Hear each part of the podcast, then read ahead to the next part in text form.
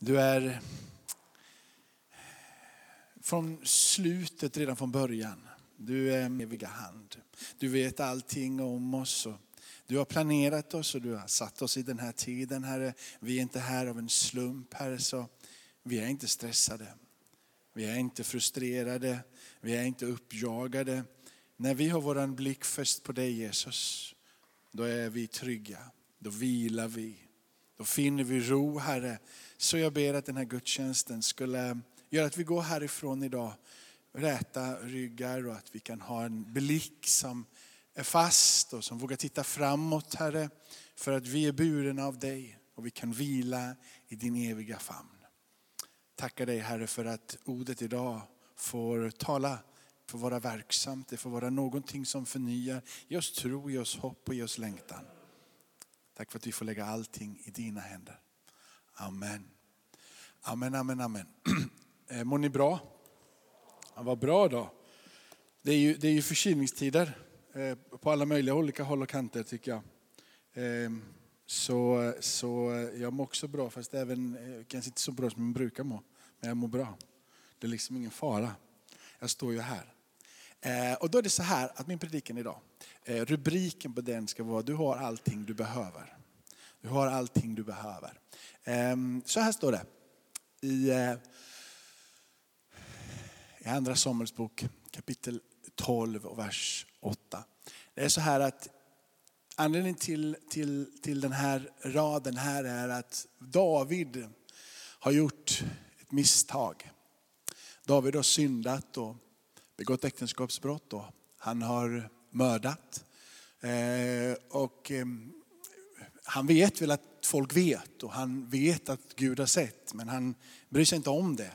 Och då sänder Gud, ehm, en profet, Natan kommer. Och ehm, Nathan Natan kommer till honom och talar om för honom att du har gjort fel och du har, det du har gjort är otroligt dåligt. Eh, och när han kommer till insikt av hur illa det här är Eh, och få den här tillrättavisningen och påminnelsen om så eh, står det så här. Det är Gud som säger. Jag gav dig din herres hus och lade din herres hustru i din famn. Och jag gav dig Israel och Judahus. Och om det hade varit för lite så skulle jag ha gett dig ännu mer. David, han hade slagit Goliat med en liten slunga med fem släta stenar. Träff på första försök. Han eh, hade blivit kung, han hade fått eh, kämpa, han hade blivit jagad av Saul som då var kung och överlevt.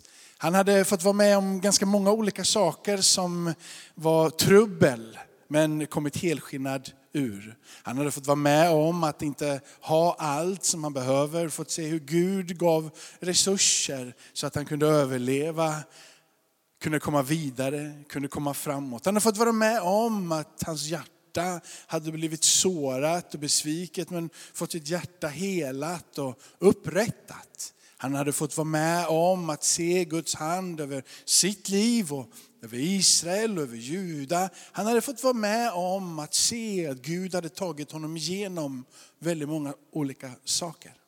Och här påminns David om att om det hade varit för lite vid något enda litet tillfälle så hade jag gett dig mer.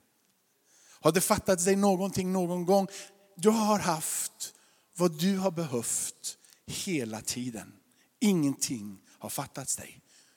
Du har haft vad du har behövt hela vägen i, i våra tider så, så liksom, det är inte riktigt så längre, men för, om du går tillbaka, i alla fall 90-talisterna och liksom, det som var där, så var det att alla ska liksom bli miljonärer, alla ska ha mer, alla ska drömma vidare. Och man skulle liksom ha så mycket så att man hade så mycket så att man liksom aldrig skulle behöva jobba. Och det, liksom, det var väldigt mycket av drömmar och idéer som skulle komma vidare.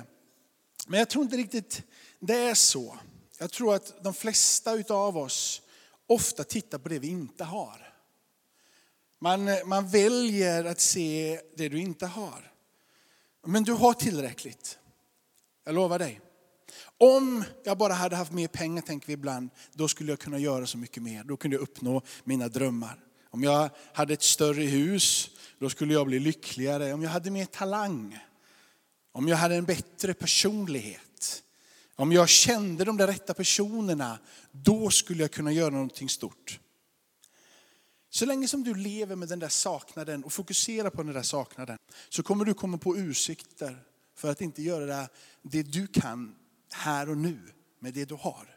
Men om du istället väljer att säga, jag har allting jag behöver. Jag ser tillbaka hur Gud har varit med mig, hur han har beskyddat mig, hur han har hjälpt mig.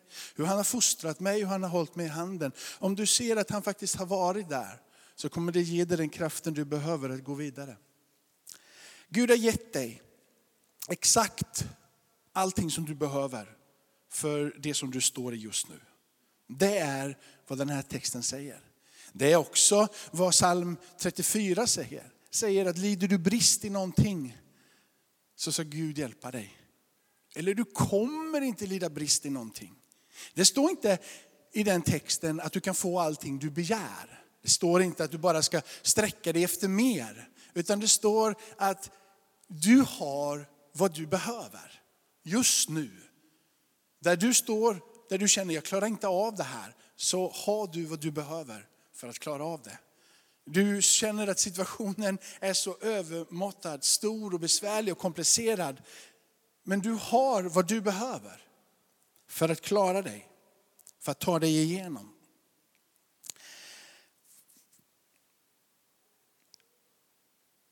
När jag kollar tillbaka eh, på mig och så tänker jag, för det som jag har gjort mest 20 senaste åren så har jag varit pastor eller 19 plus.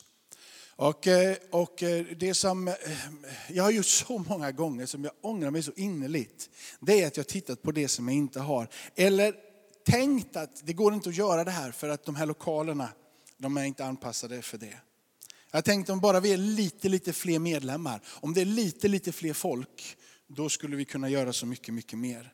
Om jag predikar lite, lite bättre, om jag hade lite, lite mer erfarenhet, om jag hade lite, då skulle vi kunna. Om jag tänker på det sättet så finns alltid någonting som jag inte har då, eller hur? Det blir alltid något jag inte har. Och där du är på ditt arbete eller vad du är, så blir det det som blir fokus. Om jag bara hade, då skulle jag. Om det bara var då skulle jag. Och det här med att om jag hade en bättre personlighet eller mer erfarenhet, mer kunskap, då skulle det bli någonting. Men du vet Gud, han visste vem du var, för han har planerat dig. Eller han vet vem du är, för han har planerat dig. Och jag tror till och med att, om, om, att det är så här, att om jag hade behövt en bättre personlighet, så hade Gud gett mig en bättre personlighet. Jag har en tillräckligt bra personlighet för att vara här med er just nu. Kanske så behöver jag en bättre personlighet imorgon, men då kommer Gud att forma mig så att jag har det som jag behöver. Eller hur? Så när jag möter i morgondagen så har jag det som jag behöver. Men här idag så har jag en tillräckligt bra personlighet. Jag behöver inte bli någon annan. Jag behöver inte söka några andra pengar för jag har det som jag behöver. I morgondagen kanske jag behöver mer pengar. Då kommer Gud att se till att det finns där. Varje dag har jag vad jag behöver. Och min roll som pastor så är det oerhört viktigt att vi har, tänker att jag har det som vi behöver. Annars skulle det stå med en evig frustration. Idag så är jag inte riktigt så ängslig av mig som jag var när jag liksom tittar tillbaka på de här sakerna. Jag känner inte att jag behöver alla de där sakerna för att våga tro. Men, okej. Okay. Jag fick ett brev en gång när jag var, när jag var i, i pastor i, i Citykyrkan i Stockholm, pastor och föreståndare. Jag var 20, 28 när jag blev föreståndare. Och då hade jag varit pastor bara några få år. Och, eh, eh brevet gick ut på att jag, var, att jag var ingen bra pastor och att brevet gick ut på att jag inte skulle vara kvar där. Det var det som det, var det, som, som, som det här sa. Eh, och det är klart att när du är 28 år, du inte har någon erfarenhet, du inte har någon riktning och du inte har speciellt mycket att komma med. Så är det så att det är klart att de orden gör ju att, eh, att det biter. Du blir först ledsen och du blir frustrerad och du vet inte vad du ska ta vägen. Men så påminner jag mig själv om eh, att jag faktiskt har vad jag behöver.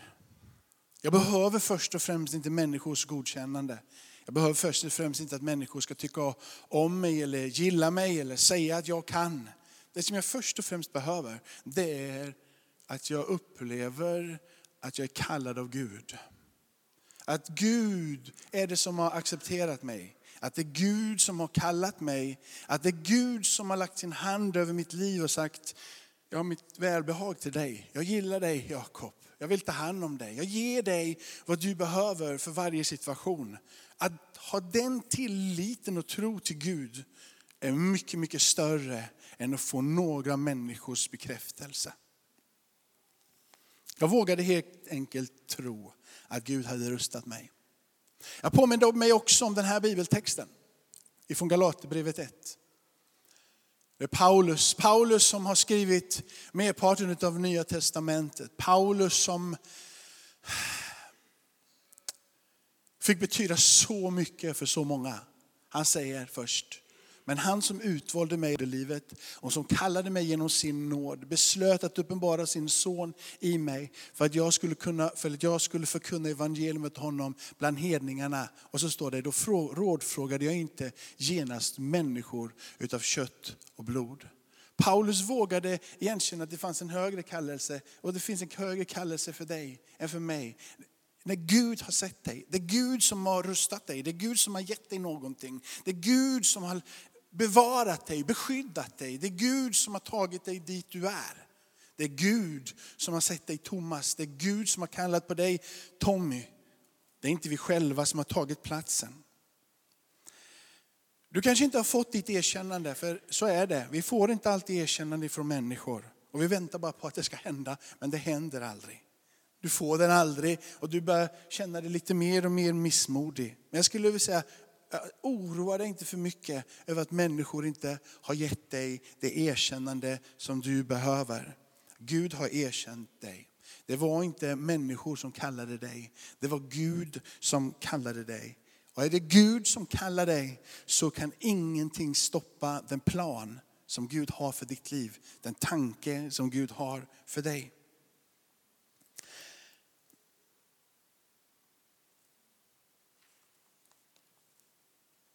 Dags för mig, för dig, att kanske inte tänka så mycket på vad vi inte har. Kanske inte tycka så synd om oss själva för det som vi har gått miste om eller den vännen vi önskar vi hade. Eller alla de människorna som vi borde träffa. Eller alla de där jobberbjudanden som vi aldrig har fått. Eller de där sakerna som hände som är sådär orättvisa. Jag tror att vi som är här är oerhört privilegierade kallade utav Gud, sedda av Gud, har vårt hopp. Jag möter så många som säger, om jag bara kunde få ha den tron som du har Jakob. Om jag bara kunde få ha den tron som du har Jakob. Jag kan inte tro, säger de, men om jag hade haft, jag skulle så gärna vilja ha en tro. Jag tror att vi är oerhört privilegierade som har en tro, som får sätta våra hopp, inte till människor, utan får sätta våra hopp till den levande guden. Att sätta ditt hopp till Gud, är att du blir kraftfull i ditt sätt att leva. Du behöver inte tänka på att du behöver mer pengar eller att du behöver få det eller få det andra. Du har vad du behöver just nu. Du har allting du behöver. Och är det någonting som du inte behöver eller inte har så är det för att du inte behöver det. Men det kommer komma en dag då du får det som du behöver för den situation som du är i.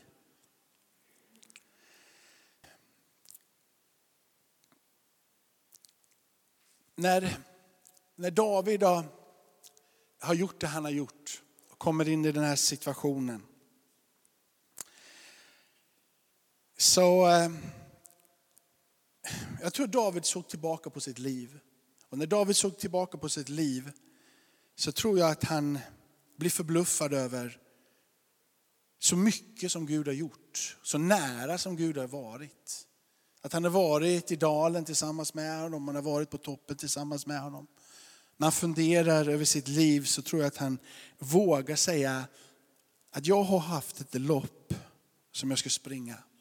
Och eh, jag ska fullborda mitt lopp. Jag ska inte fullborda någon annans lopp. Jag ska inte titta på vad Thomas har eller titta på vad någon annan har. Utan jag ska se vad är det jag har. Jag ska inte drömma mig bort och försöka bli någon annan än vad den som jag är.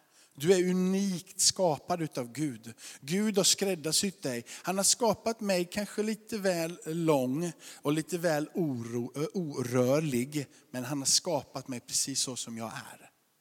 Han har skapat dig liten så han har skapat dig smal och spänstig och vig. Någonting som inte jag kan vara överhuvudtaget. Men han har skapat dig unikt. Och han har skapat mig det var inte så att den dagen som Gud skapade mig så blundade han och så kastade han lite grejer på mig. Och när han skapade dig så hade han inte en dålig dag. Han såg dig, han planerade dig, han till och med satte dig i den här tiden och gav dig vad du behöver för att leva 2019 här idag. Med alla de egenskaper som du har är unikt ihopsatt och lagda i dig för att klara de situationer och det liv som är satt för dig att leva.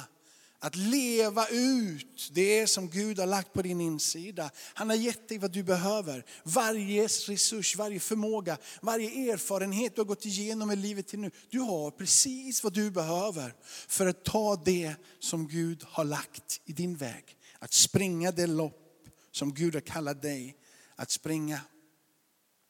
Jag tror att när det kommer saker i din väg som du känner att du inte klarar av och du känner att du behöver någonting nytt, du behöver någonting annat för att klara, så tror jag inte att det är så. Jag tror att däremot att om du kommer till en situation som du känner att du inte klarar av och om det vore så att du inte skulle klara av den så skulle Gud förse dig också där med det du behöver för att klara den unika situationen. Jag tror aldrig någonsin du inte har vad du behöver för det som finns framför dig. Gud är inte långt borta. Sjunger vi, bekänner vi, läser vi. Han är dig nära. Om någonting skulle fattas dig, så räkna med honom. Och när du väl behöver det, kommer du att finna det. så här var det för mig. När jag, eh, vi flyttade till Göteborg. Och när vi flyttade till Göteborg så visste inte jag vad jag skulle göra. Eh, från början så åkte jag upp till Stockholm och så jobbade jag upp i Stockholm. Men, men, men det, det blev för komplicerat. Så när jag landade här nere, vi flyttade hit, nu har vi bott här i åtta år, åtta och ett halvt snart. Jag började här för fem år sedan, drygt fem år och några månader.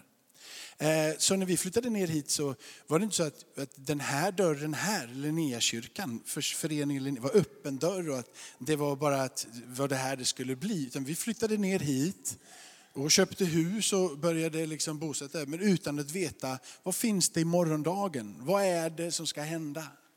Men min förvissning om var att Gud leder och Gud kommer öppna en dörr när det sker och när det händer. Sen så efter tre år i Göteborg så öppnades dörren här och landade här. Och så fanns det en tisdagsgudstjänst som var. Och så tänkte vi att men vi gör någonting mer. Så vi sa vi startar en på, på torsdagar också. Då började vi nere i lilla salen och då så satt vi några stycken nere i lilla salen. Bernt och det var några andra. Så satt vi där nere och bad och pratade om Jesus. Och det var inte så många som kom. Under ganska lång tid så kanske det var en åtta, ibland var det fyra, ibland var det tolv. Men det var liksom inte speciellt många där. Efter ett litet tag så fick jag kontakt med någon annan och då så började vi få lite lovsång och sjöng lite tillsammans. Då bestämde vi för att men vi flyttade upp hit till den här kyrksalen och så började vi vara uppe i den här kyrksalen. Men det var inte så att vi hade planerat allting från början, att vi visste vad som skulle hända, att vi hade en tydlig och klar strategi över att vi går från det ena till det andra. Utan vi tog det som vi hade och vi var de som vi var. Men vi gjorde någonting med det som vi hade omkring oss. Och jag tror Gud gav oss det vi behövde då för att göra det som vi gjorde då. Och jag tror att Gud ger oss nu det vi behöver nu för att göra just det som vi gör. Jag tror Gud förser, jag tror Gud öppnar dörrar. Jag var 28 när jag blev föreståndare och när jag var 32 så startade vi en bibelskola.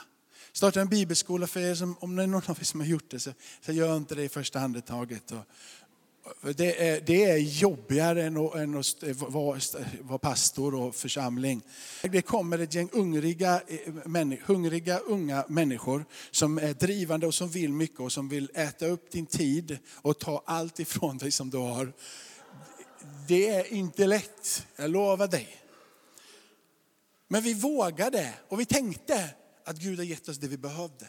Vi hade några relationer med några människor som hjälpte oss och så började vi och så tänkte vi att Gud har gett oss det vi har och vi använder oss av det vi har. Kommer vi i en situation som vi känner att vi inte klarar av så kommer Gud också där att förse oss med det som vi behöver.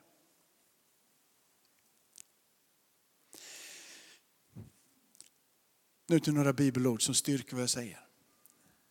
Det finns en kvinna i Johannes 4 som eh, Jesus möter vid en brunn. Och när Jesus möter den här kvinnan så ehm, är det märkligt för att judar umgås inte med samarier.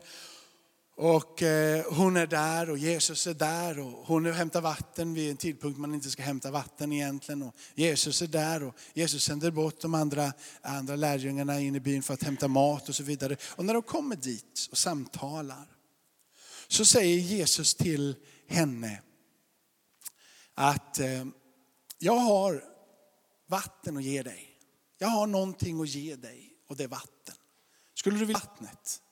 Och då så säger den här kvinnan, jag ser ingen hink.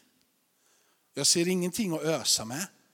Jag ser ingenting som skulle kunna hjälpa dig att få upp vatten ur den här brunnen. Hur skulle du kunna ge mig vatten? Så tror jag du och jag gör med våra liv så ofta. Vi tittar på det vi inte har. Vi tittar på det som inte finns. Och helt plötsligt när vi tittar på det som inte finns eller det vi inte har, så begränsar vi både oss själva och den guden som inte har några begränsningar. Om vi väljer att bara se det som är med vårt öga, det fysiska ögat, om vi bara väljer att se det som vi har runt omkring oss, så kommer vi bli väldigt, väldigt tafatta. Vi kommer vara väldigt, väldigt isolerade och väldigt, väldigt begränsade. Gud är en Gud som inte är begränsad av det som är det fysiska. Våran Gud är bortanför det fysiska. Våran Gud är universums skapare. Han är den allsmäktige, enda sanne guden. Han, våran Gud, är han som reste sin son upp ifrån de döda. Han var död men han lever. Han lever och sitter på Faderns högra sida. Han är konungarnas konung och han är herrarnas herre. Det finns inga begränsningar för honom.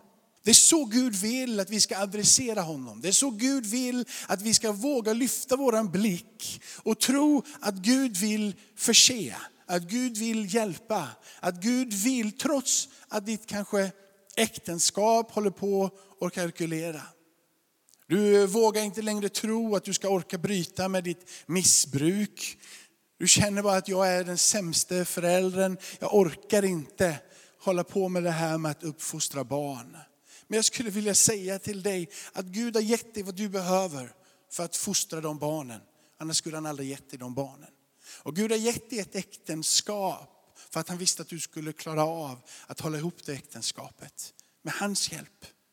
Och Gud kommer hjälpa dig att bryta med det missbruket som du behöver bryta med för att komma vidare och fullborda det lopp som Gud har för dig.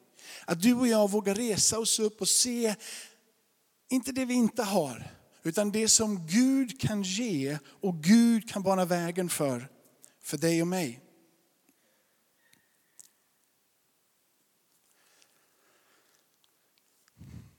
När David Titta på vad det är han har. Han har en slunga. Och med den slungan och några släta stenar så går han ut för att möta Goliat. Kapten i första Samuelsboken. Den här berättelsen är oerhört märklig. För um, Goliat, han är stor och stark och han har rustning. Och David är bra mycket mindre. Och det han har i sin hand är helt betydelselöst. Det är en liten, liten slunga emot en jätterustning och ett jättesvärd. Denna lilla, lilla slunga. När han ska gå ut för att möta Goliat så är han först i samspråk med han som är kung då, Saul. David säger, jag är här. Jag vägrar låta den här filisten går emot hela Israel. Och kung Saul försöker göra någonting väldigt, väldigt bra. Kung Saul tittar på David och så ser han David och säger, du är liten och spinkig och späd. Och du har ingen rustning och du har inga vapen riktigt. Den där lilla slungan den ser ganska meningslös ut. Och de där släta stenarna emot den där jätten, det kommer aldrig att funka. Men här har du min rustning. Och sen så vill Saul ge sin rustning till David. Och det är jättesnällt av kung Saul. Det är fantastiskt. Han erbjuder sin egen rustning till David. Problemet är ju bara den att när David tar på den här så passar inte den här. Den är så stor och så, blir, så han kan liksom inte röra sig i den och han inser ganska snabbt att det där är ingenting för mig. Hur många gånger har inte du och jag önskat att vi har någon annans förmåga? Om jag bara hade det som Samuel har. Eller om jag bara hade den som den har. Eller de pengarna. Eller det som är där borta. Om jag bara hade någonting annat än det jag har så kommer jag att klara av det här. Men jag tror att det är precis på samma sätt. Eller skulle bli på samma sätt som det blev för David. Det som på ytan ser ut skulle kunna vara till en hjälp och styrka blir någonting som gör dig begränsad. Det var inte skapat för dig. Det var inte satt för dig. Jag har de pengarna som jag behöver. Jag behöver inte de pengarna. Jag har den kunskap och den gåva som jag har. Jag behöver inte den kunskapen, jag behöver inte den gåvan. Eller hur Tommy? Du behöver inte jaga vad någon annan har. Du är unik, skräddarsydd, vacker, underbar, satt i den här tiden med precis vad du behöver för att springa det lopp som du är kallad att springa. Inte drömma dig bort och bli någon annan. Inte försöka att bli stor och stark som mig när du inte har en chans. Eller hur? Varför drömmer vi oss bort hela tiden och blir någon annan och tänker att vi ska ha någon annans kunskap? Jag tror det är precis så som det är för David. Man blir begränsad om man ska ta någon annans rustning, någon annans kunskap, någon annans förmåga, någon annans pengar. Pengar som för någon kan vara en jättemöjlighet och skulle kanske för mig bli bara en begränsning. Du har vad du behöver för att fullborda det lopp som du ska springa. Spring ingen annans lopp. David har någonting helt obetydelselöst, egentligen en liten slunga om man ser det mot en stor rustning. Skillnaden för David, det var att David gick för att möta det uppdrag som Gud hade satt i hans liv. Gud hade satt ett lopp att springa för David. David höll på att springa sitt lopp. David höll på att göra det som han skulle göra. David gick i det syfte, plan och kallelse som fanns för hans liv. Gud hade utvalt David. Gud hade gett det som David behövde för att bana väg. Gud hade tagit denna lilla, lilla slunga. Och han hade andats sitt liv på den här slungan för att betyda fred och frid för många, många, många människor precis vad du behöver. När Jesus mättar de här 5000 personerna i Matteus 14 så är det också liksom en, en, en förundlig dialog de har. Vad har vi? De är hungriga. Vad har vi? Det är Jesus fråga till lärjungarna. Vad har vi? Och de svarar att vi har ingenting. Det är bara att sända iväg dem härifrån. Bara sänd dem, vi har ingenting. Ingenting som kan förse så här många. Vi har ingenting, vi har ingen möjlighet att hjälpa någon. Det som vi har kan inte göra det här för de här många. Det är bara sänd iväg dem, skicka. Jesus tror jag blir lite, lite frustrerad. För hans fråga var ju inte vad de inte hade. Hans fråga är ju vad har du? Vad är det du har? Och de eh, säger ja, det vi har det är fem bröd och två fiskar. Och hur i hela världen ska det kunna hjälpa dem? Men då gör det skillnad när det är i Guds händer. Jesus tar detta fem bröd, dessa två fiskar. Han ber för dem och när han ber för dem så är det någonting som sker. Det är som innan begränsningarnas land liksom sprängdes blev dagen annorlunda. Det blev dagen av möjligheter. Det blev dagen som ingen kunde tänka.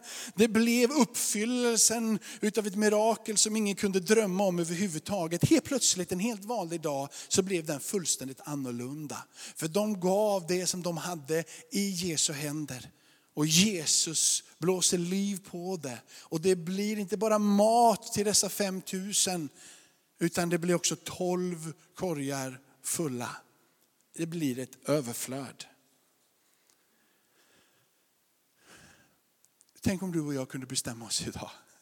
Att vi skulle bara bestämma oss och göra och ta det som Gud har gett dig och mig. Och göra det bästa utav det. Ta det, om det är litet, det är obetydelsefullt. Det är ingen som egentligen vill ha det du har. Men strunta i det, för det som du har kan förvandlas till guld i Guds händer. Du kanske känner att min personlighet är inte speciellt mycket, det är bara trubbel var jag än kommer. Men du vet, du har fått vad du behöver för att vara den du ska vara, för att springa det lopp som du ska springa. Tänk vad du bara kunde ta och lägga allting du har i Guds händer. Låta han få blåsa sitt liv på det, förvandla det. Tänk inte vad alla andra har. Du är unik, du är speciell och du är skräddarsydd utav Gud själv. Han har rustning och den är gjord bara för dig. Du är unik. Idag, Tommy och Jakob och alla andra, vi kan gå härifrån idag. Vi kan gå härifrån stolta. Vi kan gå härifrån med liksom upprätt rygg och med blicken fäst. Vi behöver inte vara flackiga i våran blick. Vi kan gå härifrån idag för Gud har skapat dig så som du är. Han har gett dig den personlighet du har. Han har gett dig den nationalitet som du har. Han har gett dig det liv som du har. Min uppmaning är, bli tillfredsställd med så som Gud har skapat dig. Hitta dig själv tillsammans med Gud. David tog av sig Sauls rustning och sa, det här är ingenting för mig. Jag kan inte vara den Gud skapade mig för att vara om jag ska bära din rustning Saul. Jag har vad jag behöver. Det kanske inte är lika mycket som någon annan. Men det du har gett mig, det är jag stolt över och det gör jag det bästa med. Du kanske har mindre talang än andra, mindre resurser. Du kanske har mindre vänner. Men om Gud får andas på ditt liv, om Gud får göra det till en annorlunda dag, så tror jag det kommer hända.